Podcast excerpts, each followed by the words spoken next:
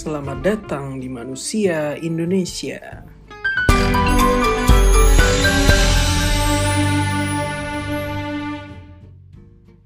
Ya, eh, selamat siang Teh Mili.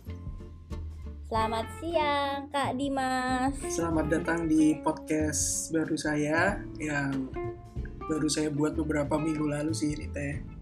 Jadi judulnya Manusia Indonesia nama podcastnya. Manusia Indonesia, oke. Berarti tentang manusia-manusia yang ada di Indonesia kali ya. Betul. Jadi inspirasinya sebetulnya datangnya dari Humans of New York. Kalau tahu ada media kan di Amerika namanya Humans of New York. Ah Jadi iya iya ya. dia menceritakan tentang berbagai latar belakang manusia yang ada di New York. Ada yang pedagang, ada ibu rumah tangga, ada bermacam-macam lah. Indonesia banget sih. Actually Iya. mungkin di sel- seluruh dunia juga pasti ada sih. Khususnya Jakarta ya. Jakarta Hmm. juga kan berbagai macam manusia ada di sini nih. Hmm, betul. Nah, untuk para pendengar yang belum tahu, jadi kali ini kita mau wawancarai Teh Mili Ratu Dian Purbasari ya Teh ya nama panjangnya. Betul. Jadi Iya. Teh Mili ini dia seorang politisi muda sih. Dari Terus untuk Politisi baru, politisi baru. baru ya. Terus backgroundnya sendiri sebetulnya adalah seorang arsitek di di dunia arsitektur sendiri Teh Mili ini sudah punya nama loh para pendengar. Bisa dilihat mungkin di Wikipedia ada di Instagramnya terus di bio-nya ada di Tokopedia di Wikipedia-nya Tokopedia. Tokopedia, aku jualan dong. Wikipedia, tapi tuh Wikipedia juga sebenarnya dibuatnya waktu eh, mau kampanye sih ya. Oh Jadi gitu. yang di highlight di situ malah lebih ke eh, politisinya doang. Padahal aku banyak bergeraknya sebelumnya di dunia relawan seperti Hmm. itu. Oh iya. Dan di dunia arsitektur juga ya banyak ya. Eh, malah nggak begitu di share kali di situ tuh yang buat juga orang Wikipedianya Oh. sih. berarti harus diupdate di Wikipedia ya. betul betul. Nah, si Teh Mili ini kan padahal punya karir yang cemerlang di dunia arsitektur. Kemarin saya baca profilnya di majalah SWA tuh Teh. Waduh, Nah. zaman kapan ya lagi tembem-tembemnya itu? Nah, tapi kenapa sih Teh Mili ini bisa terjun ke politik? Terus apa sih yang mendasarinya? Nah, kita bahas sekarang. Oke. Ya. Teh Mili kesibukannya apa sekarang? Aku sekarang masih kerja di tempat yang sama. Aku udah 12 Oke. tahun lah kurang lebih bekerja di Tauzia Hotel Management. Aku Mhm. sebagai uh, Corporate Design and Technical Service Manager. Weh, Uh, sudah 12 tahun ya. Ya 12 tahun sebenarnya dikurangi 2 tahun lah karena kan kemarin kepotong kampanye segala Oh, macem iya. gitu. Jadi kan aku keluar dulu tuh. Terus untuk kegiatan ada yang berubah nggak sih keseharian selama adanya pandemi ini Teh? Kalau kegiatan itu ya sebenarnya kalau kerjaan mostly the same, tapi Hmm. yang berubah itu karena WFH since March ya. Aku Hmm. di rumah dari Maret. Eh, WFH ini jadi makin sibuk karena kan yang biasanya ada jeda perjalanan tuh kalau Hmm. meeting atau site visit.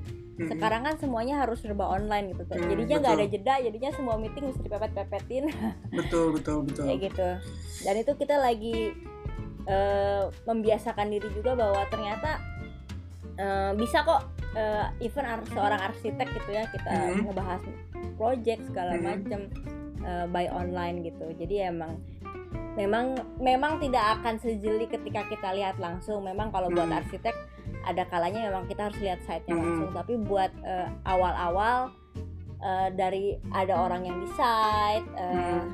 eh, apa ngeliatin pakai video segala macam Mhm. sebenarnya sih cukup mumpuni sih walaupun nanti tetap harus dicek langsung Oke oke oke. gitu Terus untuk kegiatan WFH sendiri banyak teman saya juga sih yang mengeluhkan bahwa mereka jadi lebih sibuk malahan daripada kerja biasanya gitu. Soalnya kan malah jadwalnya malah ya biasanya kan kalau kerja kan ada istirahat gitu. Kalau ini malah jadi Iya. nggak ada. tapi kalau aku sendiri bu- jujur sih aku lebih menikmati WFH betul memang lebih sibuk bahkan jadi kayak nggak ada jam kerja kan bener-bener dari bangun bisa sampai malam malamnya juga bisa sampai ini tidur cuman karena aku megang proyeknya cukup banyak dan Hmm. biasanya tuh aku selalu keteteran malah jadi stres sendiri Oh, keteteran gitu. kenapa karena setiap hari kepotong tra- eh, traffic Oh perjalanan iya gitu. benar-benar. Mm. sementara dalam WFH ini memang kita eh, capeknya karena otaknya kayak nggak dikasih jeda buat Mm-mm. istirahat gitu ya Mm-mm. tapi jadinya semuanya kekejar gitu Hmm. kalau pengalaman aku ya jadi lebih fokus. Nah, jadi weekend malah jadi bener-bener nggak ada kerjaan yang dibawa di weekend gitu, Mm-mm. karena bisa dan semuanya dalam hari kerja. Oh, jadi lumayan gitu. banget sih. Gitu. Jadi tidak perlu ada waktu terbuang untuk traffic, macet-macetan Yes, dan lain sebagainya. Betul. Oke. Dan bisa sambil maskeran itu yang paling aku suka. Mask ya. Iya. Iya betul. Oke, Teh Mili, Oke. eh, mm-mm. Banyak yang penasaran nih kan dari arsitektur, kenapa sih terjun ke politik? Bisa diceritakan Oke. nggak sih awal mulanya kenapa tertarik untuk terjun ke politik? Iya. eh, kalau aku sih sebenarnya dari dulu memang aku bukan orang eh, yang suka politik bahkan Hmm. dibilang aku tidak percaya Mm-mm. sama politisi ya. Bukan Hmm. nama sistem ya, aku tidak percaya politisi. gitu. Politisinya ya. Eh, eh, aku tidak percaya politisi dan makanya dari dulu aku lebih eh, menjadi penggiat eh, relawan Hmm. sosial Hmm. atau segala macam dari zaman aku kuliah juga Mm-mm. eh, aku di arsitektur kita bantuin Habitat for Humanity jadi kita eh, ngedesainin rumah-rumah orang yang nggak mampu gitu Mm. satu sisi juga buat eh, belajar satu sisi juga itu tuh speechless ngelihat orang yang kayak eh, di didesainin padahal gitu doang ya tahu sendiri kemampuan ngedesain anak kuliah lah ya gitu kan Mm-mm. tapi dengan mereka bahagia aja itu tuh udah kayak sesuatu yang nggak bisa dibayarkan dengan apa pun dari situ aku jadi kayak nagih loh. Eh, nggak apa ya bisa ngebantu orang tuh bikin edik gitu rasanya Betul, ya, betul, gitu. Betul. jadi ya memang dari dulu senangnya bikin komunitas relawan sosial kayak gitu Mm. Nah tapi kalau boleh jujur sih zamannya eh, pilkada DKI itu 2017 Mm-mm. walaupun aku bukan pemegang KTP DKI cuman saat itu aku yang memang bekerja dan hidup di Jakarta gitu ya Mhm. merasa sedih sedih banget gitu aku Hmm. bener-bener nggak suka apa yang terjadi di pilkada DKI kenapa karena eh, secara politik gitu kita bener-bener dipecah belah Tuh, panas permainan banget. agama ras segala Mhm. macem gitu aku tuh merasa ya ampun aku dari dulu juga punya banyak teman mau agamanya apa kek mau Mhm. sukunya apa kek nggak peduli Betul. kita main tetap main ketawa Betul. ketawa kenapa jadi sekarang dipilah-pilah seperti ini gitu Mm-mm. ya itu sedih sih sedih banget apalagi aku eh, memang eh, apa ya istilahnya punya banyak teman yang eh, merasa selama ini mereka lebih baik bungkam gitu ya. Mm-mm. jadi aku juga yang tadinya nggak suka politik gitu aku jadi kayak aku berusaha speak up speak up gitu. Mm-mm. nah ketika aku coba speak up teman-teman aku tuh yang mereka memilih diam banyak yang japri gitu kayak. Mil keep posting ya. Dulu aku masih di Facebook sih keep posting ya atau sama di Twitter. Karena buat mereka tuh kayak eh, mereka tuh sedih juga gitu. Nah lalu ketika melihat hasilnya sebelum pilkada DKI itu sebenarnya aku udah ngeliat dari contohnya Pak Jokowi dan Pak Ahok sih ya Mm-mm. eh, bahwa ternyata kalau ada pejabat publik yang kerjanya bener bisa bener juga nih Jakarta gitu aku sih dulu Mm-mm. ngerasain eh, sebagai arsitek eh, terutama di urusan eh, perizinan Mm-mm. Memang bukan aku yang mengurus perizinan memang dari pihak owner kan dan, dan Hmm. arsiteknya karena aku kan lebih ke review Mm-mm. cuman dari dulu saya mengalami gitu bahwa banyak proyek-proyek yang terhenti atau tidak lancar gara-gara izin Iya. yang ujung-ujungnya memang minta amplop segala macam Tuh, pelicin Nah, lah ya. ya nah zamannya Pak Jokowi dan Pak Ahok ini Mm. hal itu tidak ada tuh makanya Hmm. aku jadi mulai ada percaya nih Betul. ternyata kalau ada orang yang bener Mm-mm. bisa ya ternyata gitu. Hmm.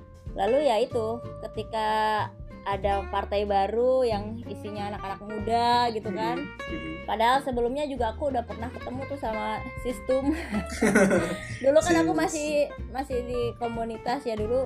Pas mereka membuat partai ini juga eh, pas ngajakin awal aku kan masih skeptis sama politisi kan. Jadi aku kayak ah I don't I don't trust gitu Hmm. any politician gitu tapi ya mungkin caranya Allah menunjukkan ma- membukakan mata ya Mm-mm. tiba-tiba aja itu aku Mm.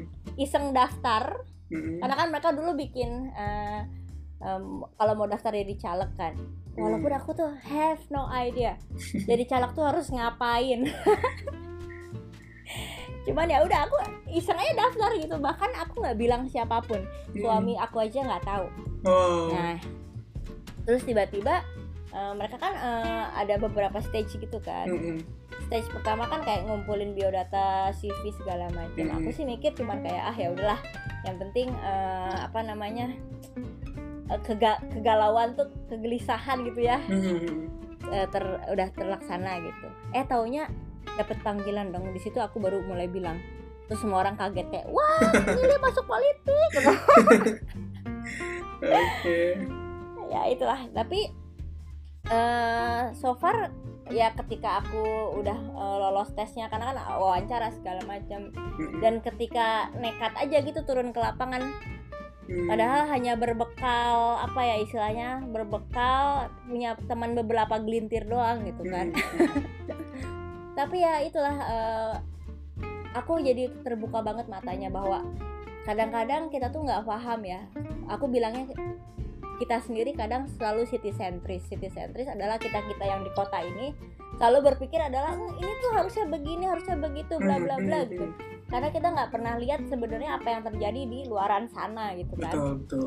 Nah jadi ketika aku punya pengalaman setahun tuh turun ke desa Mm. eh, bertemu dengan masyarakat ngobrol gitu yang tadinya Mm. udah pokoknya aku memperbaiki pendidikan nyampe ke masyarakat adalah hanya menjelaskan kenapa sih harus memilih orang yang benar gitu tugasnya DPR itu apa gitu.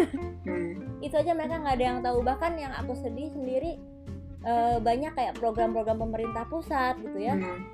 Itu tuh yang nggak nyampe ke tangan eh, masyarakat tuh justru karena dikebiri di pemerintah daerahnya Mm. bahkan pemerintah daerahnya bukan dari jajaran gubernur dan kawan-kawannya Tingkat justru yang bawahnya terdekat lagi. dengan mereka iya Oke. banyak banyak kecurangan-kecurangan di lapangan pun yang ya negara kita kegedean sih ya gak Betul. mungkin orang pusat bener-bener ngecek semuanya gitu sampai ke Betul. pelosok-pelosok aku aja setahun turun ke lapangan nggak kekejar itu seribu berapa desa di Desa. Jabar 2 gitu Mm. kan Eh, jadi di lapangan itu banyak kecurangan-kecurangan yang ya ampun banget contoh misalnya ya dana Hmm. desa gitu ya Mm, dana desa tuh. nah bikin jalan gitu ya di laporan bener misalnya let's say 15 kilo Mm. nyampe ke lapangan kalau nggak ditelusurin itu 15 kilonya itu mungkin 3 kilo di depan di- dibuat nanti kiloan selanjutnya sekilo nggak dibuat Iya. sekilo dibuat atau cuman pinggirnya doang dan Mm. itu banyak yang terjadi sih Atau kualitas apa kualitas aspalnya jalannya ya benar-benar aku ada tuh datang ke sebuah desa bulan September 2018 Mm-mm. lalu aku balik lagi udah rusak bulan. Februari atau wah udah hancur September itu baru baru diselesai di aspal Februari atau Maret aku lupa itu udah mobilnya udah jeblok apa jalannya udah Aduh. jeblok banget Iya betul betul. Dana Ya, desa itu gitu emang banyak disalahgunakan sih kan ada kan beberapa yang viral bahkan ada yang sama kepala desanya untuk nikahin anaknya, ada yang untuk naik Nah. haji dan lain sebagainya. itu dia dan Hmm. yang paling terkenal tuh kalau di daerah itu biasanya yang dapet kayak PKH segala macam Mm-mm. Malah biasanya saudaranya yang kenal Oh iya Dan- iya. yang kasihan tuh masyarakat luas sih masyarakat Hmm. luas tuh dibilangnya bahwa ah itu kan dikocok gimana sistem di atas Hmm.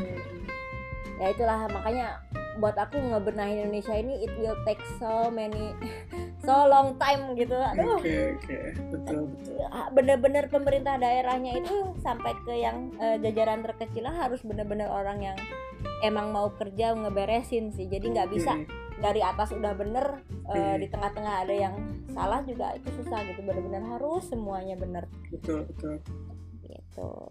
Hmm, jadi berarti ya membu- membuka mata banget sih Mm, Mm-mm. berarti awal mulanya itu gara-gara tergerak mulai tergerak hatinya itu mulai dari pilkada DKI ya teh ya, 2017 ya. ya Mm. ya Padahal itu kan Karena ya panasnya itu. saya ingat banget panasnya itu mulai dari 2016 awal tuh udah mulai panas loh itu.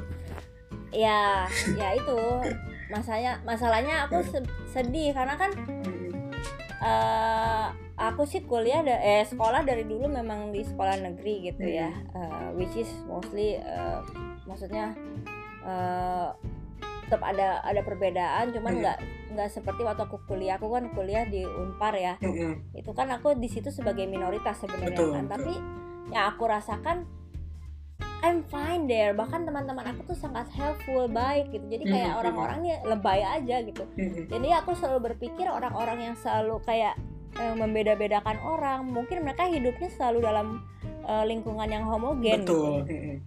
Jadi mereka nggak pernah merasakan bahwa heterogon heterogenitas itu sebenarnya menguntungkan loh gitu. mm. contoh misalnya ya kalau let's say di Indonesia hanya ada satu agama gitu Mhm. lah ketika libur Mm, mm. libur ini nggak ada yang kerja dong semuanya Iya betul. sementara kan kalau kita macam-macam agama kita nambah libur lebih banyak gitu. Iya. bisa shift shiftan harusnya Hmm. mikirnya sesimpel itu sih kalau dibawa dibawa ke kehidupan sehari-hari gitu. Betul betul. gitu. Dan ada penelitian kan yang menunjukkan bahwa eh, terorisme itu kan lahir dari lingkungan yang biasanya homogen, radikalisme, Iya. terorisme Iya. gitu-gitu. karena nggak pernah ngelihat Mm. apa yang ada di luar gitu Betul. maksudnya Dan ada ini sih teh, ada data yang menarik sih teh. Di Indonesia Hmm. ini ada data yang menarik menunjukkan bahwa 70% orang yang tinggal di Pulau Jawa tuh belum pernah keluar pulau. Oh iya ya Iya, betul. Dan keluarlah Indonesia keluar indah pulau. Nah, dari situ kan kita bisa bilang bahwa orang Indonesia ini kurang mengenal adat dan budaya lain gitu. Gak Ya, tahu ya, mungkin ya. orang Jawa di Kalimantan tuh gimana, di Papua tuh ya, gimana ya. gitu. ya ya Betul, betul. ya wajar sih bahkan jangan jauh-jauh aku sebagai orang Sunda aja bisa aku bilang bahwa kadang-kadang orang Sunda suruh pindah ke Jakarta aja paling tiga bulan nggak kuat. Karena karena memang eh, cara kerja eh, apa attitude orang-orang setiap harinya itu berbeda banget. Aku yang udah lama di Jakarta aja aku bisa bilang kalau di Bandung itu emang enaknya berkarya. Tapi Hmm. kalau buat bekerja itu di Jakarta aku bisa bilang gitu gitu. Tapi nggak akan pernah orang yang nggak pernah keluar nggak akan tahu nggak akan bisa Hmm. ngebedain. Karena kan ya pemandangannya cuma satu gitu kan Mm-mm. Terus menurut Teh Mili sendiri kan tadi bergabung di partai yang banyak anak mudanya tuh Teh. hmm ya ya ya Menurut Teh Mili sendiri kenapa sih harus anak muda melek politik gitu loh? Biasanya nih anak muda kan pikirannya masih ya nongkrong-nongkrong dulu gitu, masih ya masih YOLO dulu gitu. Kenapa sih harus melek politik mereka? Nah karena gimana pun juga kalau anak muda nggak melek politik gini deh kita dari dulu diatur-atur sama orang tua kan. Lo mau ketika lo saatnya bekerja dan eh, saatnya lo yang mengambil alih aturannya masih aturan yang mungkin sudah tidak relevan gitu dengan kehidupan kita sekarang. Karena sorry to say ya mungkin banyak orang-orang zaman dulu juga yang nggak bisa catch up dengan kemajuan eh, apa namanya kemajuan Zaman. teknologi gitu kan kemajuan zaman gitu kan kayak eh, misalnya nih ya misalnya eh, mungkin ja- orang zaman dulu ngelihat ya ampun anak sekarang main gadget mulu tapi Hmm. kalau aku sendiri karena aku udah punya anak juga Hmm. sebagai generasi kejepit gitu ya Mm-mm. aku kan early millennial early millennial Early millennials. yang jadul sama yang sama yang eh, anak-anak ya, native ini Mm. aku bisa bilang bahwa kalau anak-anak ini nggak fasih eh, di dalam dunia digital kasihan merekanya dong gitu Betul. ya tapi tetap dibatasi tetap Mm. diawasi tapi bukan berarti mereka nggak nggak boleh kenal digital gitu Mm.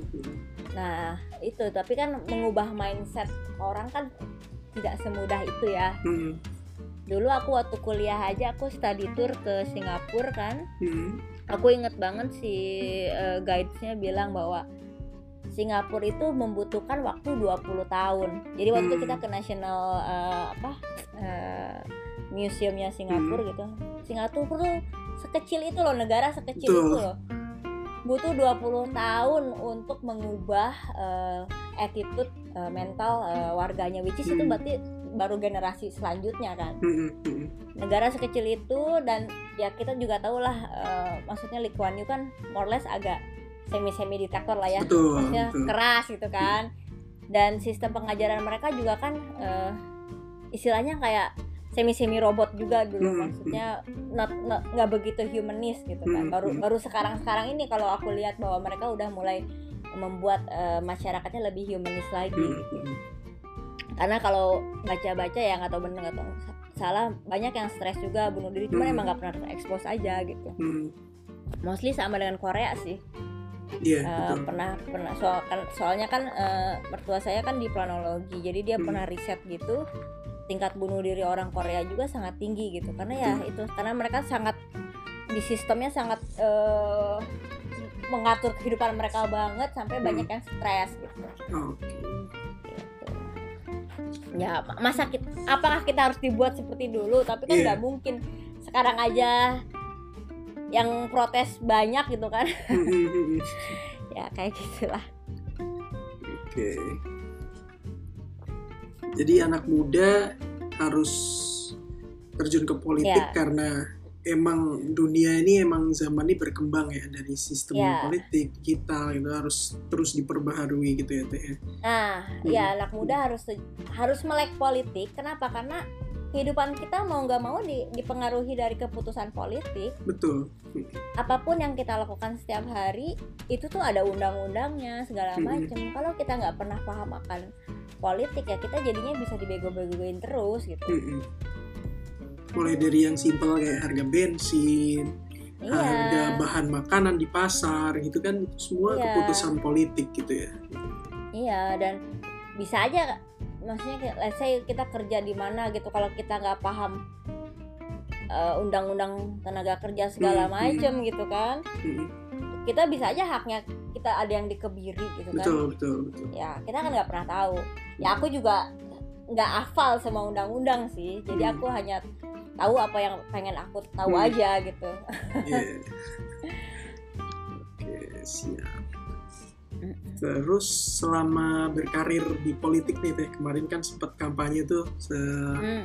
di pemilihan apa legislatif. Nah itu ya, ya, ya. kendala terberat yang dihadapi apa sih selama berpengalaman di dunia politik kampanye dan lain-lain?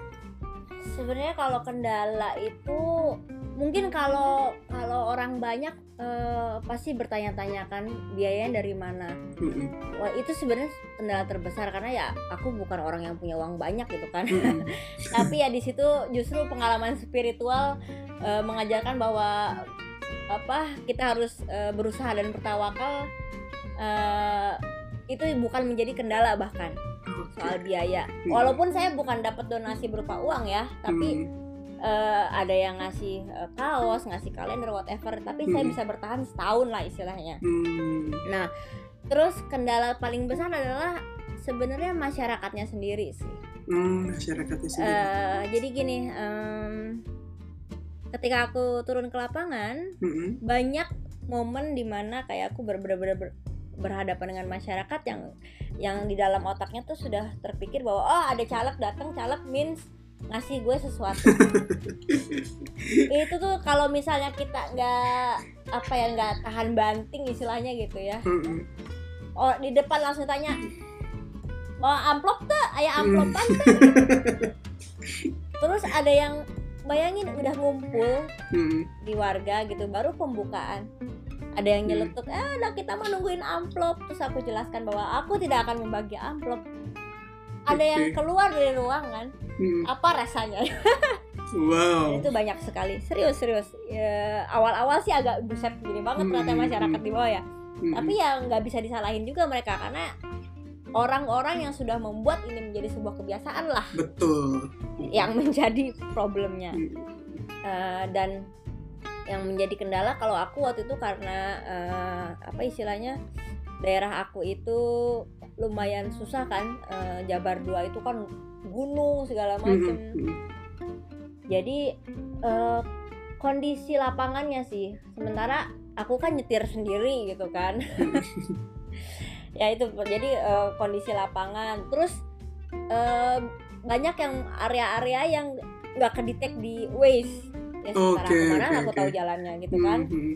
ya gitu jadi nggak dan belum ada sinyal segala macam itu masih ada sih daerah-daerah seperti itu masih jadi ada pertama ya? dari wow. masih ada dari mindset mindset masyarakat sama uh, itu masih ke, keterbatasan teknologi ini matters banget jadi Betul ketika orang bilang ini harusnya uh, pemilu apa namanya harusnya pemilunya uh, via online gitu hmm. yeah right untuk hmm. kota aja gue setuju banget hmm. mungkin bisa dibagi kalau kata aku ya hmm. jadi let's say kota dan uh, sekitarnya yang sudah mumpuni jaringannya mungkin bisa bisa Uh, tapi kalau buat yang pelosok-pelosok itu nggak bisa. Hmm. Bahkan aku uh, di kabupaten aja aku bisa membagi wilayah aku tuh secara karakter kabupaten yang dekat kota, kabupaten yang tengah-tengah which is hmm. antara dekat kabupaten dekat kota sama yang pelosok sama kabupaten yang pelosok banget. Hmm. Kabupaten yang dekat kota itu udah banyak yang terpelajar ya kan. Hmm. Jadi kadang-kadang enak nih bisa tektokan, hmm. ngobrol. Jadi imbang lah antara yang matre pengen duit atau pengen hmm. barang sama yang uh, bisa ngasih input, bisa nanya program dengan bener hmm. itu imbang.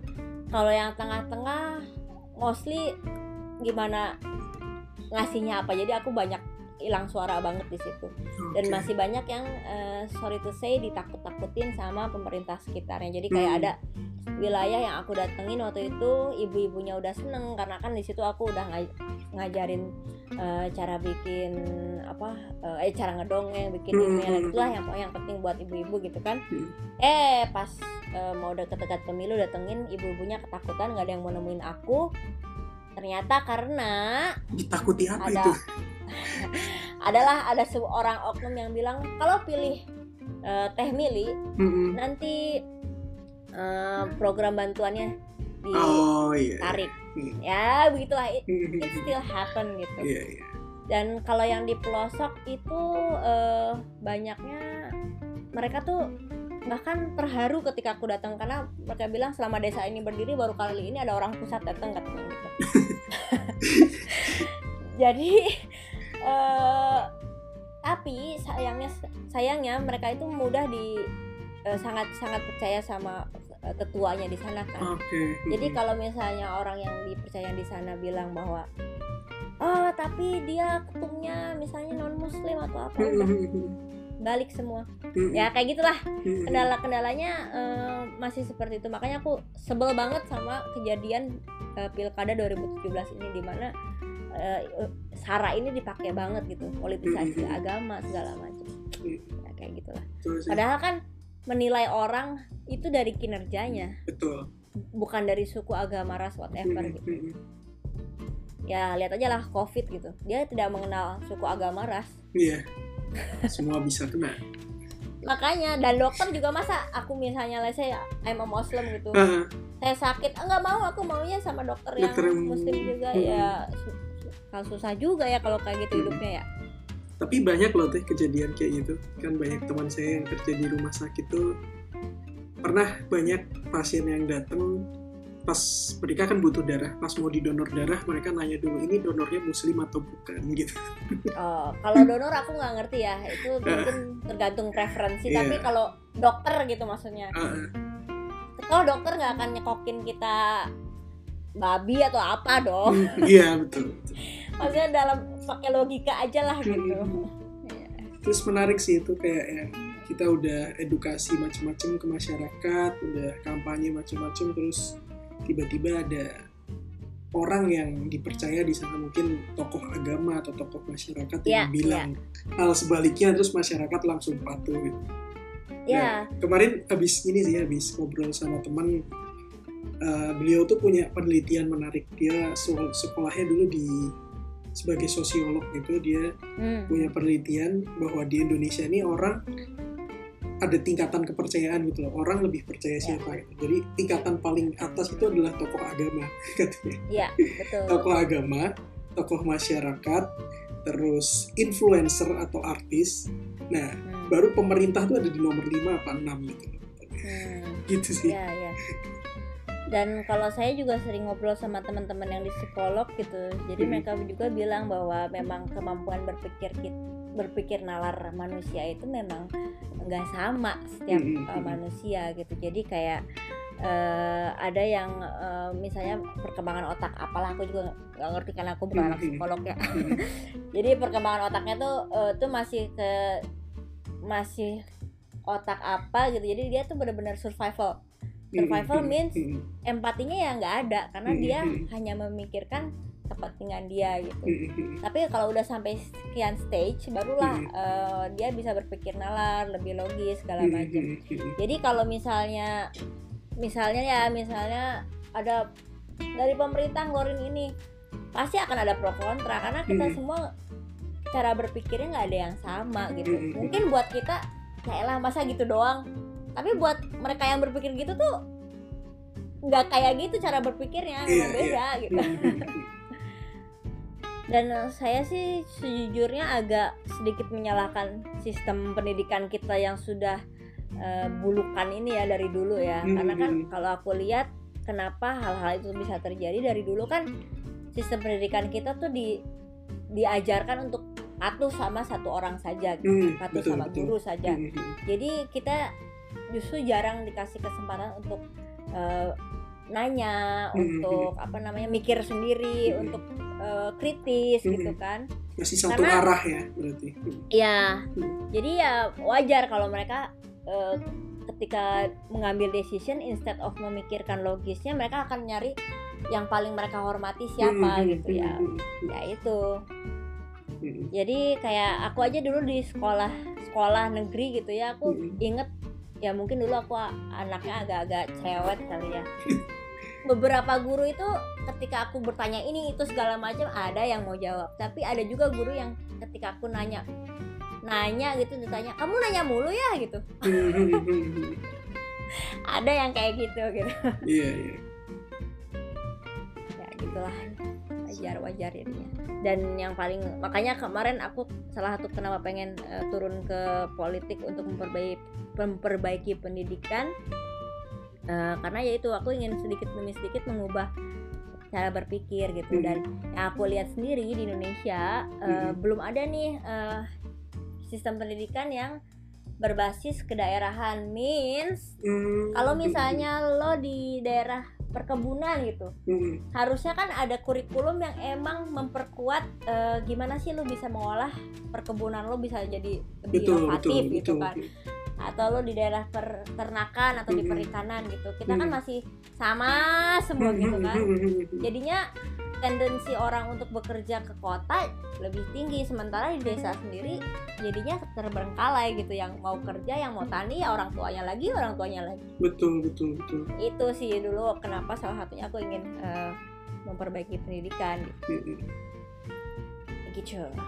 Saya baca dari resumenya pernah ini ya Teh Mili pernah bantu di sekolah Cikal juga ya ya jadi Nah. eh, sekolah cikal itu ini aku ceritain sedikit ya Oh, iya jadi boleh boleh aku tuh dulu pas ba- baru hamil gitu eh, punya Mhm. anak mau punya anak aku tuh langsung konsernya ke sekolah oke bukan apa-apa karena aku dari dulu di Bandung aku bisa bilang aku di jalur emas jalur emasnya sekolahnya di Bandung lah Oke. ya tapi ketika aku mau eh, kuliah aku memutuskan keluar dari jalur emas sekolah negeri itu Hmm, justru aku ber- eh, baru sadar bahwa gila selama ini gue sekolah di negeri ya hmm, yang gue paham itu adalah ketika gue mau ujian gitu. Hmm.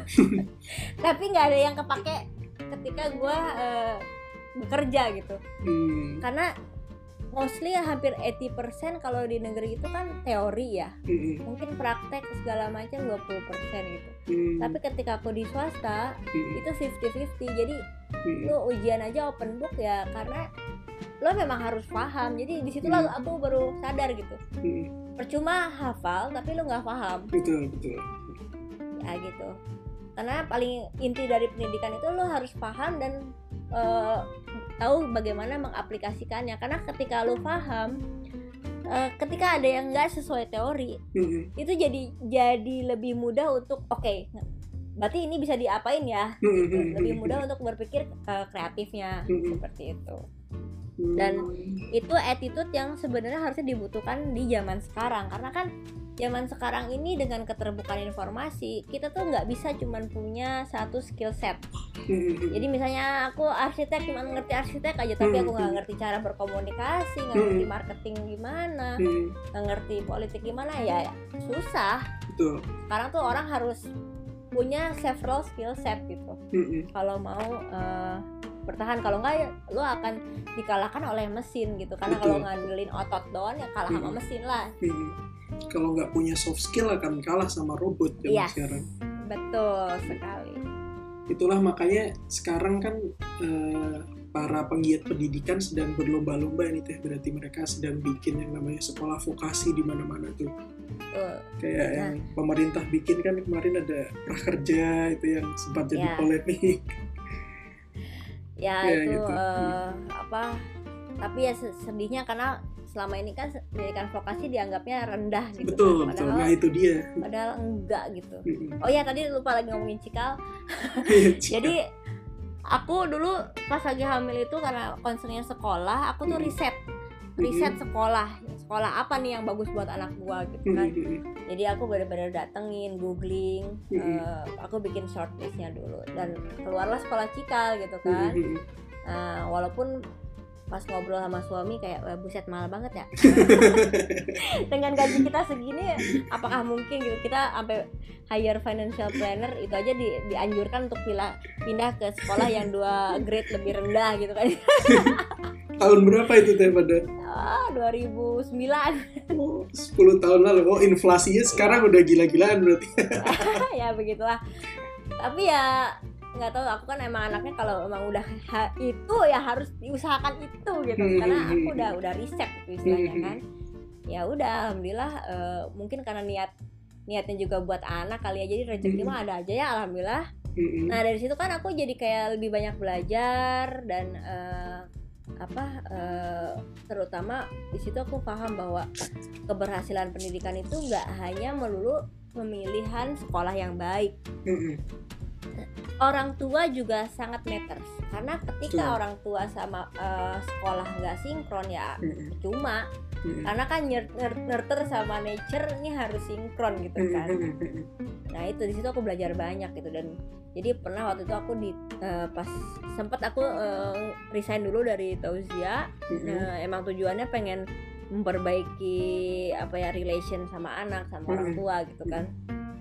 Eh, aku ditawarin untuk bantuin cikal dulu ya. Aku dengan senang hati sih dan situ aku makin banyak belajar dan jadi nyemplung juga di eh, relawan-relawan untuk Pendidikan. pendidikan gitu. Oh, gitu. Tapi menarik sih emang selain sekolahnya orang tua tuh juga berperan penting sih kan. Saya kan juga Banget. saya juga kan habis punya anak nih teh. Jadi Oh iya ya, iya, selamat. Iya. Udah lama baru lahir Maret lalu akhir Maret. Iya. masih baby ya udah Hmm. nabung dari sekarang. Iya. Jadi mulai-mulai riset juga tentang pendidikan yang buat anak yang bagus gimana gitu. Iya. Terus saya menemukan satu hal yang ini sih. Saya baca di sebuah jurnal dari Amerika. Ada satu hal yang mempengaruhi perkembangan anak tuh satu-satunya salah satunya adalah lingkungannya katanya. Yes, Jadi kalau betul. dia misalkan dia berada di sekolah tertentu dan lingkungannya itu orang-orang hebat, dia bakal jadi hebat juga. Gitu. Tapi sepinter apa pun anak, kalau dia ditaruh di lingkungan yang nggak bisa buat dia berkembang, dia nggak akan berkembang. ya, Gitu. ya. Ada penelitiannya sih. Ada anak biasa aja, IQ-nya ditaruh di lingkungannya berkembang, Biasanya. teman-temannya teman-temannya hebat-hebat, dia juga jadi ikut hebat. Gitu, Hmm, gitu sih. tapi orang tua ngaruh banget sih Iya karena betul. aku dulu SD itu jadi dulu mama sebelum masuk ke jalur emasnya pendidikan kota Bandung ya SMP 5, SMA 3 gitu. eh, ya gitu SD itu aku eh, apa ya istilahnya tuh di itu sangat menarik sih aku Hmm. bener-bener di situ tuh bertemu eh, teman-teman yang memang dari kalangan dari bawah juga gitu kan Hmm, eh apa emang gimana pun juga dari pendidikan dari orang tua itu sangat matters gitu ya.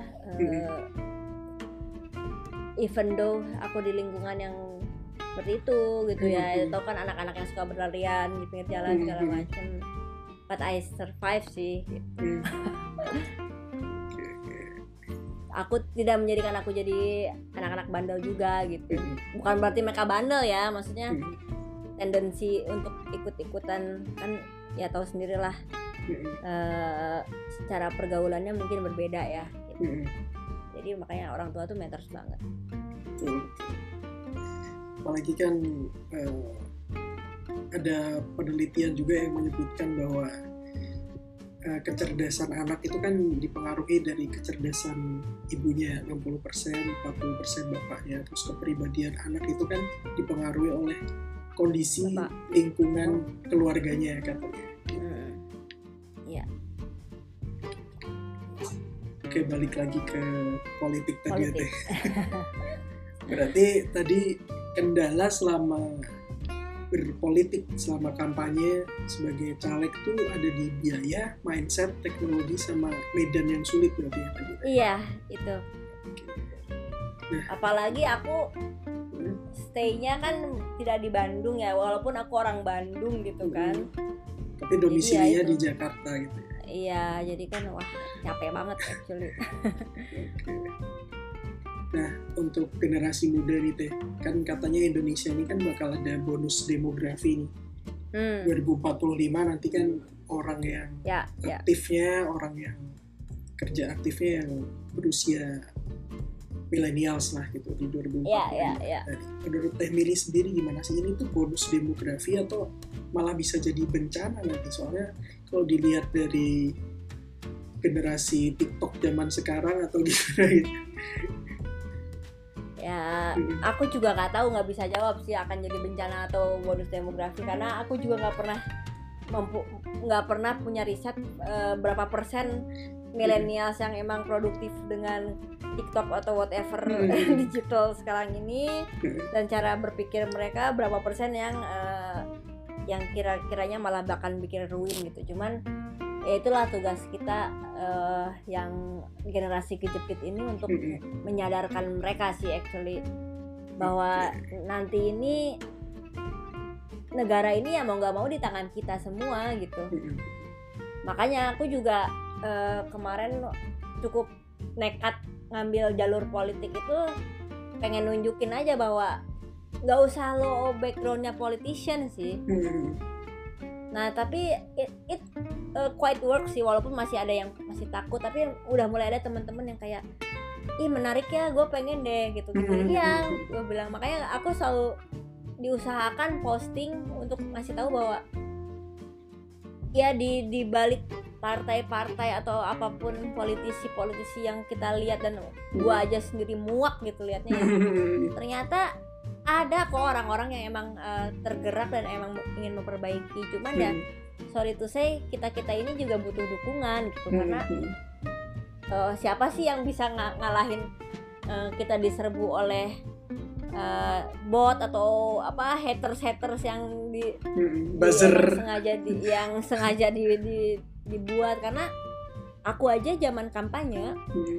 ini lucu banget sih aku gimana tuh Eh, aku tuh janjian ketemu sama seseorang Eh, Mhm. nah si orang ini tuh janjian juga ketemu sama dua anak kuliahan oke. Tapi orang ini terlambat datang jadi aku malah ketemu sama dua anak kuliahan ini. Hmm. di situ jadi aku ngobrol dulu nih sama dua anak Hmm. dua anak kuliahan. aku cerita aku dari PSI segala macam bla bla bla program ini gini gini gini. Di akhir eh, di akhir obrolan anak dua anak kuliahan itu sampai kayak wow ternyata keren ya gitu. Eh, Hmm. apa yang bisa dilakukan gitu. Hmm. soalnya kalau aku jadi mereka eh, eh, mengaku akhirnya di akhir bahwa mereka itu sebenarnya lagi eh, di hire oleh seorang caleg dari partai something. Hmm. tapi ya tujuan mereka adalah eh, membuat bot untuk memenangkan si caleg ini di semua perdebatan di semua polling. Oke. Tanpa tahu eh, tanpa jelas apa sih dia ini kelebihan si caleg hmm, ini apa gitu.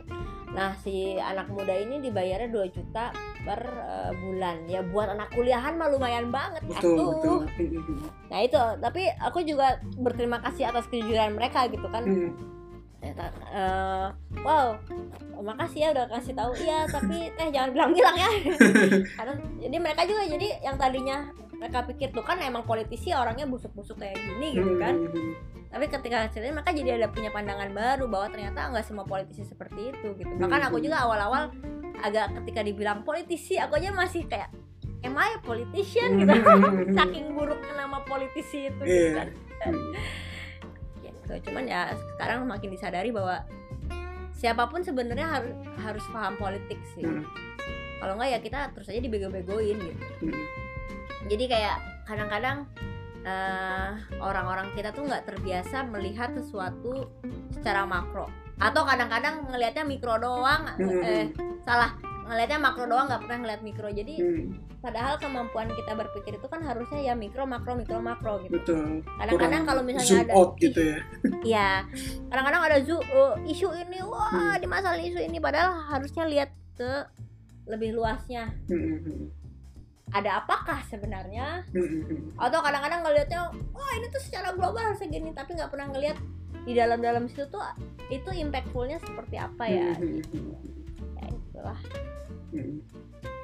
oke itulah dunia politik ya menarik sih Iya. itu yang ada anak kuliahan di Iya. sini itu itu itu lucu banget sih. Jadi pas mereka tuh sampai melongo gitu kan apa kayak, iya, wow, wah teh kalau aku aja baru tahu loh ternyata Hmm, eh, politik tuh bisa begini ya maksudnya Hmm. caleg bukan politik mereka bilangnya caleg tuh hmm. harusnya punya program kayak gini ya soalnya aku mah cuma disuruh buat menangin doang jadi emang itu ada profesi seperti itu Banyak, gitu. dan banyak. nggak nggak akan nggak akan kedetek karena ya itu mereka pinter juga nyarinya anak-anak Hmm, kuliahan anak-anak Hmm. yang ya butuh duit gitu Hmm. kan apalagi saya kan beberapa lama ini di dunia media jadi ngerti lah cara kerja buzzer tuh gimana nah. orang-orangnya gimana. Bahkan ada satu orang buzzernya dia bisa main di dua kaki gitu. Bantu sana ya bantu sini gitu-gitu. Nah yang kayak gitu-gitu sih aku sih. Aku juga dulu kan sempet eh, jadi buzzer bukan buzzer politik ya buzzer Hmm. barang gitu kan endorse endorse gitu kan. Hmm. cuman eh, yang aku sayangkan tuh kadang-kadang ya tapi itu rezeki orang sih beda-beda terserah Hmm. kalau aku pribadi aku tuh selalu eh, mau bahkan buat produk yang oke pun gak usah dibayar pun aku sih senang gitu kan Hmm, istilahnya hmm, tapi ketika ada produk yang bertentangan dengan hati nurani Betul, yang tidak betul. sesuai dengan gue gitu istilahnya Mhm. ketika dibayar mahal pun ya aku pasti tolak sih hmm, hmm. Emang kan nggak nggak semua orang seperti nggak semua orang kayak gitu bahkan bayarannya pun eh, yang saya tahu bisa buat beli rumah gitu. Ya itu. Kalau misalkan satu hashtag naik di Twitter katanya ya ampun sampai segitunya. Nah padahal yang aku heran tuh ya harusnya orang-orang yang eh, meng-hire buzzer ini tuh ini di luar politik ya Mhm, misalnya di di brand atau apa gitu. Mhm. masih banyak yang kayak trending itu bagus padahal kan sebenarnya bukan trendingnya tapi kalau ketika dia diomongkan tanpa harus ada hashtag Mhm, tapi emang eh, ada matters ke penjualan kalau buat Mhm. aku itu lebih matter sih belum betul dibanding betul. lo mencapai trending topik tapi kan belum tahu belum tentu yang namanya Mhm. trending topik itu emang eh, positif gitu Hmm, hmm, hmm. karena lu lihat aja ada orang-orang juga postingnya apa tapi nebeng yang lagi trending apa hashtagnya banyak banget ya. betul. Jadi nggak guna sebenarnya gitu. Ya gitulah dunia perbuzzer yes. Ya, tadi menarik sih yang kata Teh Mili yang siapa pun kan bisa terjun ke politik gitu. Nah kan memang kita kan tahu ada yang memang politisi murni kan, kayak misalkan dia Iya. udah aktif jadi aktivis di BEM bla bla bla sejak kuliah iya, gitu. iya. Tapi ada juga orang yang tadinya eh, berprofesi lain tapi masuk ke politik gitu. Ya ada aku ada yang tergerak ada yang memang cari sumber penghasilan baru gitu loh misalkan Iya, kayak iya. artis-artis yang udah uzur gitu kan mereka mulai beralih mencari penghasilan baru ke dunia politik gitu ya, Nah, kalau- Hmm. Kalau menurut Teh Mili sendiri gimana sih kalau terjun ke dunia politik ini bisa dikatakan sebagai profesi nggak sih? Soalnya banyak anak muda yang mereka tuh belum, punya uang kan mereka habis misalkan setelah lulus kuliah belum punya uang masih Iya. butuh cari kerja dulu tapi mereka tertarik ke politik gitu. Jadi mereka masuk ke politik uh, untuk sebagai profesi dan cari makan juga itu gimana tuh menurut Teh Mili? ini aku agak susah jawabnya sih karena aku pengen bilang bahwa ya sebenarnya harusnya masuk politik tuh ketika lu udah beres dengan diri lo sendiri sih. Ah itu setuju sih. At least itu lu bagus. udah udah punya kematangan. Lu udah nggak nyari nyari gua mau ini kok. Nggak. Karena eh, ketika lu masih eh, belum beres dengan diri lo sendiri lu masih mencari segala macem itu nanti fokusnya akan eh, ter terpecah gitu ya betul istilahnya. Betul. kalaupun one day lu dapat nanti lu malah akan mudah tergiur dengan segala macem kejahatan yang ada di sana Hmm. gitu Hmm, Istilahnya itu kalau makanya kalau keluar rumah belum kenyang tuh takutnya nanti pas jalan-jalan iya selalu cari makan gitu ya. Iya. Cuman ya itu makanya eh, tapi selesai dengan diri sendiri juga memang Hmm. banyak artis sih bukan bukan hanya materi sih. Hmm, Eh, istilahnya ketika lo udah udah udah emang emang lo orangnya baik banget. Hmm, Gue pengen emang memperbaiki Indonesia tanpa peduli eh, duitnya berapa ya Hmm. bisa aja kan. Banyak mungkin ada kan orang-orang kayak gitu. Hmm, pasti ada sih cuman memang eh, sangat sedikit sekali kalah sama yang vokal-vokal dan padahal tujuannya cuman duit dan kekuasaan gitu. Hmm, hmm. cuman ya itu selesaikanlah dulu eh, diri lo sendiri sih. Jangan Setuju sih sampai itu. masuk politik karena tergiur oh nanti bisa dapet Hmm, hmm, dapet duit. Wah jangan. Kalau kayak gitu lu mending gak usah masuk politik. Hmm, mending lu kerja yang bener aja deh udah. Betul betul. gitu. Karena dan tadi dibilang banyak artis banyak segala macem. Hmm, ini kalau boleh eh, aku buka buki bukaan sedikit. Dulu tuh hmm. kenapa kalau pernah inget PSI pernah bikin namanya bersih bersih DPR Eh, Hmm, hmm.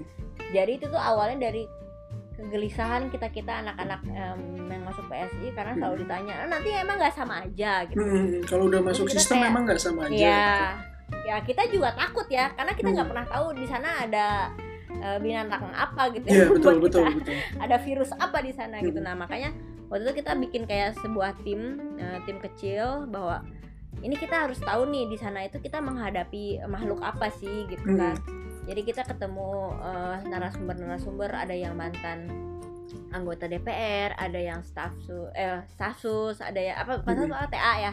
Ada yang TA ada yang orang yang kerja di badan peneliti segala macem. Jadi kayak kita ngumpulin evidence segala macem bahwa wow ternyata memang eh, kalau di sana eh, lu dibilang eh, banyak chance untuk mengeruk duit rakyat tanpa dianggap korupsi itu banyak banget Banyak celah. ya. ngeri sendiri Hmm. aku ngeri sendiri Hmm. Eh, wah banyak banget nanti bisa bisa aku share nanti eh, filenya si bersih bersih DPR tapi Wow.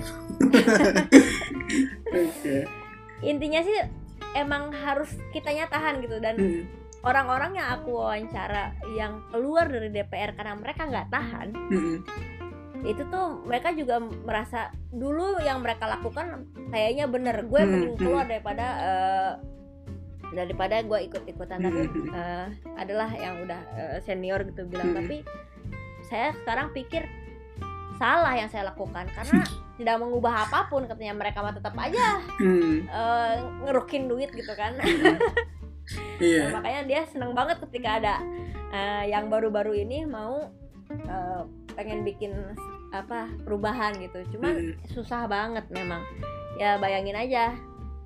Bisa lihatlah contoh-contoh teman-teman kita di eh, DPRD DKI lah kemarin ya Hmm. sempet ramai Aibon segala Hmm, macam. Hmm. yang kena malah siapa ya? Kita sendiri gitu. Iya. ya kayak gitulah. Ya kitanya harus tahan banting. Emang udah tahan siap mati lah istilahnya gitu. Hmm. ya gitu. Dan- makanya harus selesai sama diri sendiri. Karena kalau enggak akan eh, tidak bisa bertahan sih. Setuju sih Harus harus selesai dengan diri sendiri. iya Kemarin kan ada yang kasus viral juga tuh yang mantan presiden BEM UGM tuh ya. yang Nah, terima, itu. terima endorsan gitu. Terus Aduh. pas mau berangkat eh, demo ke Jakarta minta pinjam temen duit duitnya temen dulu dan macam-macam. Gitu-gitulah.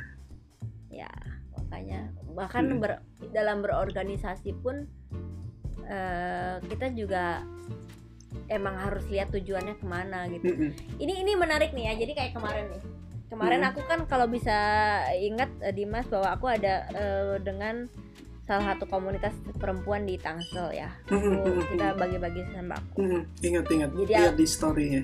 Nah, jadi ada temen aku yang bilang bahwa eh, waktu pertama bikin grupnya gitu ya tapi yang diundang ke sini yang emang beneran mau kerja ya bukan Hmm. yang pengen apa namanya Pencitraan. bukan yang pengen bukan pencitraan yang Apa? pengen dapat bagian Oh, iya iya iya iya. Terus aku nanya Maksudnya emang gimana? ada ya orang yang kayak gitu ya Hmm. Iya aku juga nggak tahu kan Hmm. jadi perlu diketahui kalau udah berhubungan dengan masyarakat luas Hmm. banyak yang ingin jadi relawan itu sebenarnya tujuannya bukan jadi relawan tapi untuk mendapatkan akses ke barang yang mau dibagikan Oh, I see, I see. dan itu aku udah melihatnya oh ternyata ada ya iya jadi kayak aku tuh antara sebagai politisi eh, kalau dibilang naif kalau Hmm. menurut aku mungkin bukan naif kali ya tolol kali ya gitu karena aku selalu berpikir dulu awal-awal bahwa semua orang itu tulus semua orang itu Hmm. ikhlas itu padahal Hmm. di politik itu bahkan orang yang terlihat baik pun ternyata Hmm. banyak ini jadi kita harus benar-benar hati-hati Hmm. Tapi kalau orang baik biasanya menilai orang lain baik juga sih. iya iya ya tapi lama-lama kita jadi bisa Iya, ngeliat sih mana iya. yang ini ba- baik beneran mana yang kayak oh ini Hmm. sebenarnya dia tujuannya sini nih Hmm. jadi kelihatan lah Wow. dan in the end semua orang pasti ada tujuan untuk dirinya kan Hmm, hmm, hmm, apa pun itu hmm. Tapi yang menarik teh untuk politik di Indonesia sendiri kan butuh biaya besar nih. Nah itu dia itu mulai dari kampanye dan lain-lain gitu loh. Kan di sini kan eh, banyak politisi atau anggota DPR yang tadinya mungkin mereka lurus tapi setelah mereka masuk ke DPR mereka mencanangkan untuk balik modal gitulah istilahnya nah untuk biaya kampanye yang gimana tuh menurut Teh Lili? Itu makanya eh, aku tuh salut sama PSI kemarin karena aku tuh nggak ditarik duit sama sekali Mm-mm. Wow. jadi dari mulai daftar kan eh, awal-awal aja Mm-mm. orang-orang tuh nyangkanya wah milih nyalek banyak duit nih gitu banyak duit dari mana gue bilang gitu.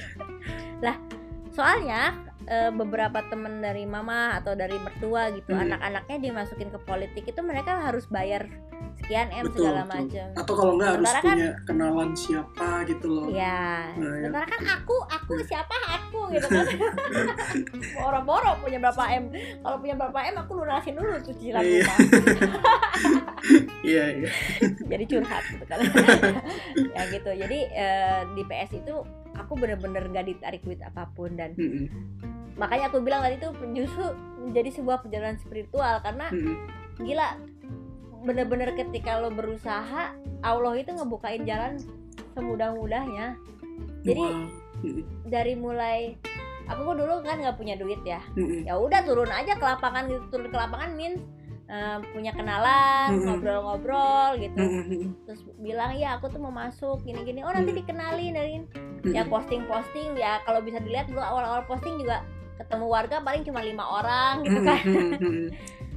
tapi justru ketika lo nunjukin lo emang mau eh, niat mau niat baik turun gitu ke lapangan orang-orang yang orang-orang tuh banyak kok sebenarnya yang mereka pengen ada perubahan yang baik di Indonesia Mm-mm. mereka punya uang ya Mm-mm. tapi mereka nggak bisa turun ke lapangan Mm. jadilah dan itu pentingnya kita eh, selama bekerja eh, harus kerja dengan baik ya jadi Mm-mm. beberapa owner yang aku pegang proyeknya bahwa kan yang membiayai eh, eh, kampanye aku dan no string attached ya Mm-mm. jadi nggak ada tuh istilahnya nanti tapi kalau kamu kepilih nanti gini nggak ada. Mm-mm. karena bener-bener kayak kamu butuhnya apa mil gitu. Oh pak saya sebenarnya butuh posko dipinjemin posko. Ada yang ngasih kaos. Kamu ada saya punyanya eh, percetakan nih bikinin kalender gitu. Jadi ya alhamdulillah aja gitu. Bahkan Mm-mm. aku inget banget tuh sebulan sebelum uh, kampanye uh, uh, berakhir gitu ya. Rel- relawan di posko tuh udah bilang teh ini gimana teh? Kaos Hmm. tinggal satu karung gitu kan. Mm-mm. ya kasih apa ya? Kasih stiker aja kali ya gitu. Tiba-tiba ditelepon saya tuh ingin bantu tapi saya punyanya sisa produksi kerudung. Dapat delapan delapan ribu kerudung ya Wow. Allah itu serius Mm. jadi eh, itu yang membuat gue ketika ketemu masyarakat gue Mm-mm. ceritakan gitu kan bahwa Mm-mm. tahu nggak sih kenapa eh, bapak ibu di sini nggak pernah tahu apa sih tugasnya eh, anggota dewan Mm-mm. ya karena anggota dewannya ketika lagi menjabat boro-boro turun ke lapangan kan aku Hmm. bilang gitu Hmm. iya neng biasanya mah nanti aja deket pemilu bagi duit ya gitu kan nah itu kenapa bu kenapa karena dengan membagi-bagi duit dia udah dapat suara ibu Mm-mm. lah ibu udah dibeli suaranya kan ya Hmm. udah dia bagi-bagi duit dari mana bu ya cari modal cari modalnya kan nggak ada yang minjem atau apa Hmm. makanya kan banyak yang caleg gagal terus stres gitu kan. Mm-mm. nah kenapa dia eh, cari modal untuk beli suara karena biar di sananya biar balik modal Mm-mm. tapi kalau di PSI kita kan nggak boleh bagi bagi-bagi duit atau segala macam Mm-mm. lebih baik ya kita mengedukasi gitu Hmm. kan ya udah eh, makanya aku juga eh, ketika eh, apa selesai kampanye juga ya ketika pemilunya beres dan kita nggak menang gitu kan Mm-mm. bos aku langsung telepon lagi Hmm. would you come back gitu kan wow Hmm. jadi nggak ada yang stres Iya iya. Nah itu makanya eh, tapi aku yakin sih nggak nggak semua orang bisa dapat kemudahan seperti itu Hmm. gitu ya. Aku alhamdulillah aja sih. Mm. Cuman ya itu paling penting adalah eh, next eh, lo memilih gitu ya. Kalau aku sih dimulai dari eh, lingkungan terdekat. Jadi aku ngejelasin ke mbak-mbak aku di Hmm. helper di rumah lah ya Mm. bahwa eh, kenapa sih mereka suka nggak dapet eh, apa bantuan pemerintah pusat? Hmm, hmm. ternyata ketika digali juga. Ya soalnya misalnya kades yang ini adalah saudara Iya. ini yang dapat ini Hmm. aja segala macam nah di situ aku sedikit demi sedikit ngasih tahu bahwa nah itu kan pentingnya memilih jangan karena duitnya yang dikasih berapa gitu. Jadi mereka jadi kayak oh iya ya benar juga ya gitu. jadi kayak intinya kita harus ngasih tahu dan kalau dibilang nggak ada itu money, money politik hmm bohong Hmm. banget di kota mungkin nggak ada ya kita mungkin nggak pernah dapet tapi Hmm. kalau di desa Betul. udah dah deh Serangan fajar gitu gitu aduh banyak banget aduh itu. aduh bahkan ada yang sedih dulu kalau pernah tahu kan aku ada program namanya pos mama kan Mm-mm.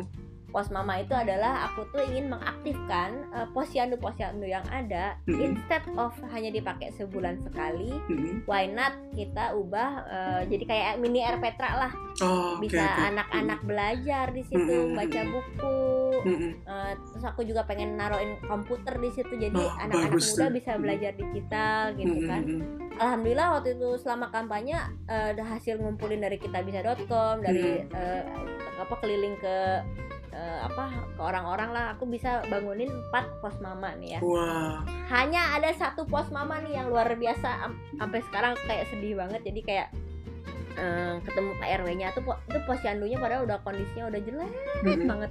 Kalau bisa dibilang jadi cuma dinding setengah doang. Dinding dinding ke atas itu nggak ada atapnya bahkan nggak ada gitu. Nah aku baru tuh ngumpulin duitnya alhamdulillah dapat donasinya Mm-mm. Eh, ketika udah kekumpul balik lagi nih ke Pak R- eh, RW-nya ya Mm-mm. sedih banget ketika dibilang bahwa Neng atau kalau ada duitnya mah duitnya aja lah Aduh. dari partai ini juga udah bilang kok mau ngasih sekian Aduh. Oh my God. itu patah hati sih tapi aku Ya bilang gini Pak Mm-mm. kalau misalnya eh, saya ngasih uangnya ke bapak untuk Mm-mm. dibagikan keluarga ya mungkin saya dapat suara tapi satu saya berdosa pak ini uang uang dari banyak orang pak. Saya nggak Mm-mm. amanah aku bilang gitu. Mm-mm. yang kedua kalau misalnya eh, saya ngasih uangnya saja warga bapak besok juga habis dibeli jajan beli Mm-mm. apalah segala Mm-mm. macam kan. mungkin lima ribu doang gitu kan seorang kali ya. Tapi ketika kalau saya bikinin eh, posyandunya ibu-ibu aman eh, punya posyandu anak-anak bisa punya tempat buat eh, baca buku segala macam oh ya udah tuh neng terserah deh kalau kayak gitu tapi bisa ngejamin suara neng ya dan Aduh. and it's happen And it's tapi happen. aku udah karena aku udah udah komit aku udah minta ke donatur eh, Hmm. itu untuk ngebangunin yang itu ya Hmm. nggak mungkin dong aku pindahin ya aku Iya. buatin sih gitu Tulus sekali. ya masalahnya amanah kalau nggak aku Iya. pindahin nanti aku juga yang susah Oke, oke. Terus eh, berbicara masalah politik tadi kan seru banget ya Teh. Nah, Hmm. setelah Teh milih pertarungan caleg kemarin, rencana ke depannya apa nih di karir politiknya Teh milih sendiri? Ah, ini pertanyaan yang sangat bagus karena kalau boleh dibilang milih mana arsitek atau politik tetap, aku milihnya arsitek tentunya Oke. karena eh, politik itu buat aku aku aku sih merasa akunya be- masih bego di politik ya jadi Hmm. kayak eh, aku nggak nggak tahu nih kalau ini blessing in disguise aku nggak masuk ke DPR gitu Hmm. aku nggak tahu nih aku bisa nggak ya debat kayak orang gila gitu istilahnya kan kalau orang debat gitu sampai ada yang Hmm. kalau di DPR sampai lempar-lemparan segala macem Atau di depan Aku TV tipe- gitu ya? ya aku bukan tipe seperti itu aku tuh tipe yang kayak eh harus diskusi dengan benar segala macem Hmm. gitu. Aku nggak tahu ya. Cuman sampai saat ini yang bisa aku lakukan ya aku sekarang kan masih anggota dari PSI kan. Apa pun yang bisa aku lakukan untuk membantu ya aku lakukan gitu. Oke. even though I'm not eh, wakil rakyat tapi jalan untuk mengedukasi masyarakat tuh tetap ada kan. Di mana pun siapa pun gitu. Jadi misalnya dengan semudah lu tiap hari naik taksi gitu kan Eh, kalau aku kemarin masih sebelum WFH gitu aku kan memilih naik taksi gitu kan Mm. kalau dari MRT naik taksi Hmm. ketika orangnya bisa diajak ngobrol ya dijelasin segala macem Hmm. ya itu tadi dimulai dari lingkungan terdekat dari mbak-mbak Hmm. atau jangan jauh-jauh temen aja kan teman-teman kita circle juga banyak kan yang apolitis Hmm. Ya itu mulai dijelasin aja gitu. Jadi jangan pernah takut eh, untuk menjelaskan bahwa politik ini harusnya bukan sesuatu yang tabu kok. Kayak kemarin nih eh, di grup ibu-ibu gitu kan. Wah, kan udah pada kebakakan jenggot semua bahwa ah ini menterinya nggak bener nih segala macem. Aku bilang aja. Eh, pertama menteri-menteri kita ini ya contoh Pak Nadiem gitu. Jadi Hmm. kita baru berapa lama sih. Ya tapi kan masa dia nggak tahu tentang apa namanya eh, guru honorer Hmm. ya wajar aja dia nggak pernah mengemban eh, pendidikan di Indonesia Iya. kedua dia juga bukan dari orang kementerian gitu bukan dari pemerintahan gitu dan gue sih berharap bahwa eh, istilahnya ilmu-ilmu yang dia dapat dari luar itu bisa diimplementasi di sini Hmm. dan dia juga mau turun ke lapangan gitu tapi kan it takes time nggak ada yang instan Hmm. nggak ada yang dalam setahun plak semua jalan wah boro-boro gitu kan Apalagi ada pandemi ini kan jadi program semua Makanya. terhambat. Hmm. makanya jadi kayak mengubah mindset orang Hmm. segala macam tuh is not that easy gitu Betul, betul. bahkan misalnya eh, apa jadi emang harus continue dan continue yang membuat susah eh, pemerintahan kita tuh adalah program itu kadang ada program yang bagus even though ganti uh, pemerintah eh ganti pemimpin harusnya kalau ada program bagus ya dilanjutin aja gitu Hmm. Hmm. tapi di kita kan suka banyak egonya juga Betul. kan ah ini kan bekas pemimpin, yang dulu Mhm. jadi gue nggak mau lanjutin Mhm. nah menurut gue sih harusnya hal kayak gitu ditinggalkan gitu lu jangan kepaku sama ego gitu Mhm. once lu ada tahu ada program yang bagus ya lanjutkan lah gitu karena Mhm. yang namanya program itu nggak akan bisa dalam lima tahun tercapai Hmm. program itu jangka panjang semua gitu istilahnya. Jadi tinggalkan ah makanya yang masuk politik tuh harus selesai sama diri sendiri. Jadi udah bukan kayak ego gue gue mau Mhm. begini segala macam. Bukan kayak gue mau cari duit dari sini gitu. aduh cari duit mah mendingan eh, dengan skill yang lo bisa. Ya kalau emang lo skillnya politisi ya tapi usahakanlah bikin peraturan yang bener gitu Hmm. istilahnya. Tapi jangan karena oke gue mau bikin begini biar dapat begini. Jangan gitu karena kalau gue dulu eh, belajar itu bahwa sebenarnya kan kalau zamannya Aristoteles politik itu adalah kan cara untuk eh, mencapai suatu goal bersama kan. Untuk untuk kebaikan masyarakat gitu tapi kan eh, seiring waktu pas zamannya Machiavelli kan memang berubah gitu dan Hmm. sekarang masih banyak nih antek-antek Machiavelli gitu. Banyak. Antek. Oke jadi politikus atau arsitek kalau disuruh milih? Tetap arsitek tetap ya? arsitek. Tapi Karena- tetap aktif membantu PSI ya sampai sekarang? Ya ya ya makanya aku juga bilang sih bahwa eh, oke I, I will run will my, with my way gitu. Maksudnya Mm, kan ada yang protes ke gua tuh waktu awal-awal Mil lu kok po- postingnya sekarang hura-hura mulu sih? Mm, hura-hura apaan. Iya posting-posting yang ya apa nggak nggak politik terus. Eh kemon gua harus menunjukkan gua tuh orangnya seperti apa gitu. Kan Mhm. gua juga nggak mau gua menunjukkan gua yang fake mm, mm, mm. gua adalah gua ya yang suka main TikTok yang Mhm. suka apa istilahnya posting dandan Senin atau Mhm. whatever gitu tapi ya gua tetap aktif juga eh, membantu eh, kegiatan partai di lapangan gitu kan. Dan itu juga yang harusnya eh, yang gua harapkan bahwa makin banyak partai yang isinya ya orang-orang seperti itu gitu. Mm, mm. jadi ya coba aja lah sorry ya eh, lihat pandemi sekarang gitu. Mana Hmm. sih partai yang turun ke lapangan? Jarang banget deh? Mm, makanya lah duitnya mereka ada kok. Mereka semuanya bahkan punya anggota dewan di DPR RI DPRD Hmm. banyak kok gitu Hmm. masa nggak ada budgetnya sih Hmm. gitu banyak yang anggota dewannya yang di daerah dapilnya sendiri nggak datang ke daerahnya tuh ya banyak banget setelah terpilih Iya Eh, banyak banget. Bahkan kalau pengakuan dari warga-warga desa gitu, mm, ah geus kaparlih maneng eh, i- rumahna di gerbangan sana. mm, Gitu. Ya gitu. Oke.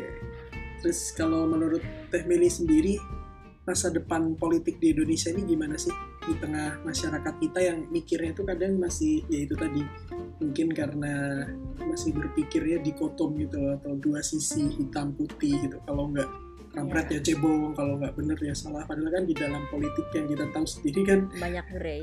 banyak gray area terus yang tadinya kawan jadi lawan tadinya lawan jadi kawan tadinya berantem besoknya lima tahun lagi jadi mesra dan lain sebagainya. Gimana sih? Ya kalau kata aku sih ini tuh emang bukan hanya dimulai dari politisi ya, dari masyarakatnya juga gitu. Eh, dan biasakanlah kalau misalnya kita berdiskusi atau berdebat jangan pakai hati jadi marah-marahan gitu Mm-mm. kan banyak orang yang diskusi itu nggak pakai eh, apa, logika logika gitu ini contoh dulu zamannya Jokowi versus Prabowo ya Mm-mm. teman aku kan eh, oh, Prabowo banget aku. Jokowi banget Mm-mm. gitu. terus dia tuh yang Jokowi itu ya masa oh apa pendidikan mau dipegang PGRI gitu kan aku Mm-mm. bilang lah lah ya iyalah Mm-mm. orang PGRI itu guru loh Mm-mm. mereka paham pendidikan gimana Mm-mm.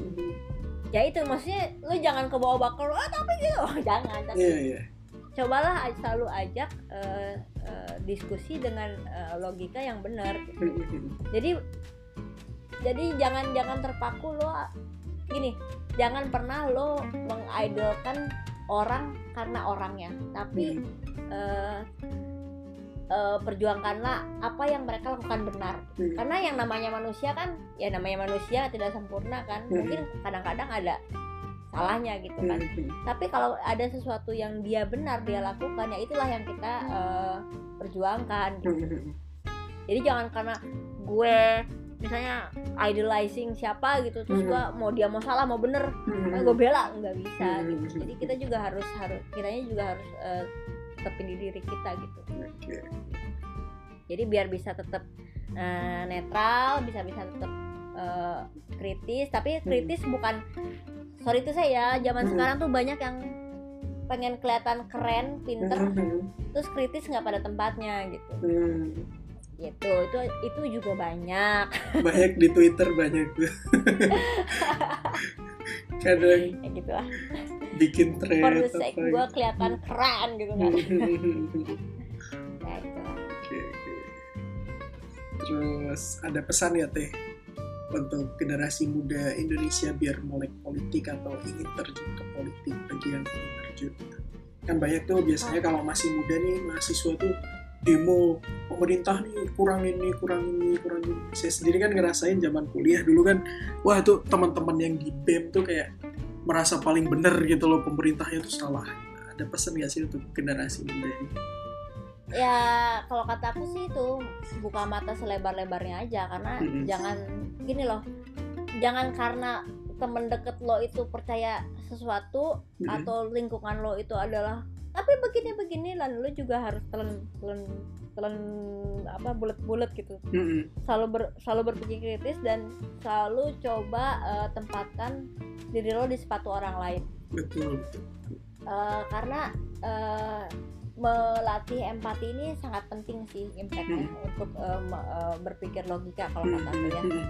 Eh, jadi kayak eh, ketika lo bisa menempatkan diri lo di di sepatu orang lain lo Hmm. akan tahu bahwa oh mungkin yang gue pikirkan itu eh, nggak semuanya selalu benar gitu Mm-mm. dan dan itu jadi lo jangan pernah berpikir oh menurut gue keren. Eh, jadi harus gini enggak dan Hmm, satu hmm. hal lagi ketika lo melakukan kesalahan ya akuin aja karena gini kadang-kadang nih ya Mm-mm. dapat broadcast gitu Mm-mm. ah parah nih parah wow parah banget Hmm. Mm. ternyata nanti ada yang ngirim lagi oh ternyata itu Ternyata salah hoax. setelah di cross check hoax Nah, jangan pernah malu untuk Hmm. mengakui eh maaf ya Sorry tadi ya, gua nggak salah." cek dulu. Nah, itu tuh orang kita tuh egonya masih tinggi sih jadi jangan pernah malu dan buat anak muda bukan apa-apa negara ini ya gimana pun juga kita yang mewarisinya gitu kan. Nah, jadi lu jangan dibiarkan kita eh, diadu domba eh, Betul. untuk kepentingan politik gitu istilahnya lo harus as a anak muda ya harus punya sikap juga ya kayak kemarin makanya gue posting buat yang mau bantu Mm-mm. yuk nggak usah disuruh nggak usah diajak gitu. Mm-mm. kayak misalnya aku nih sekarang kan bantuin PSI turun gitu aku aku sih sebenarnya nggak pernah karena aku bukan struktural ya. Jadi kan nggak pernah ada ayo bantu gini gini gini. Ya aku nanya aja eh ada kegiatan apa? Oh nanti ada bagi-bagi di sini. Aktif aja gitu karena mostly anak zaman eh, ma- zaman sekarang pun masih banyak yang kayak orang-orang itu kalau baru mau di baru mau gerak ketika diajakin. Mm-mm. why not lu yang start aja gitu. Mm-mm. ya, betul gitu betul betul. Nah, makanya eh, kalau lu mau mampu dan mau karena banyak yang mampu pun nggak mau, nggak mau. gitu. Banyak yang mau nggak mampu. Iya. Hmm. tapi sebenarnya kalaupun mau nggak mampu eh, ngebantu tuh nggak usah harus dengan Iya. materi sih. Betul. tenaga pun bisa selalu ada jalan kalau ada kemauan iya makanya mau tuh paling utama sih. Mm-mm. oke oke. Wah seru sekali perbincangan tentang politik ini para pendengarnya. Sudah sejam lebih nih satu jam. Oh iya iya Iya, nggak kerasa. Satu jam 20 menit. Oke. Oke betul. Terima kasih banyak teh Mili.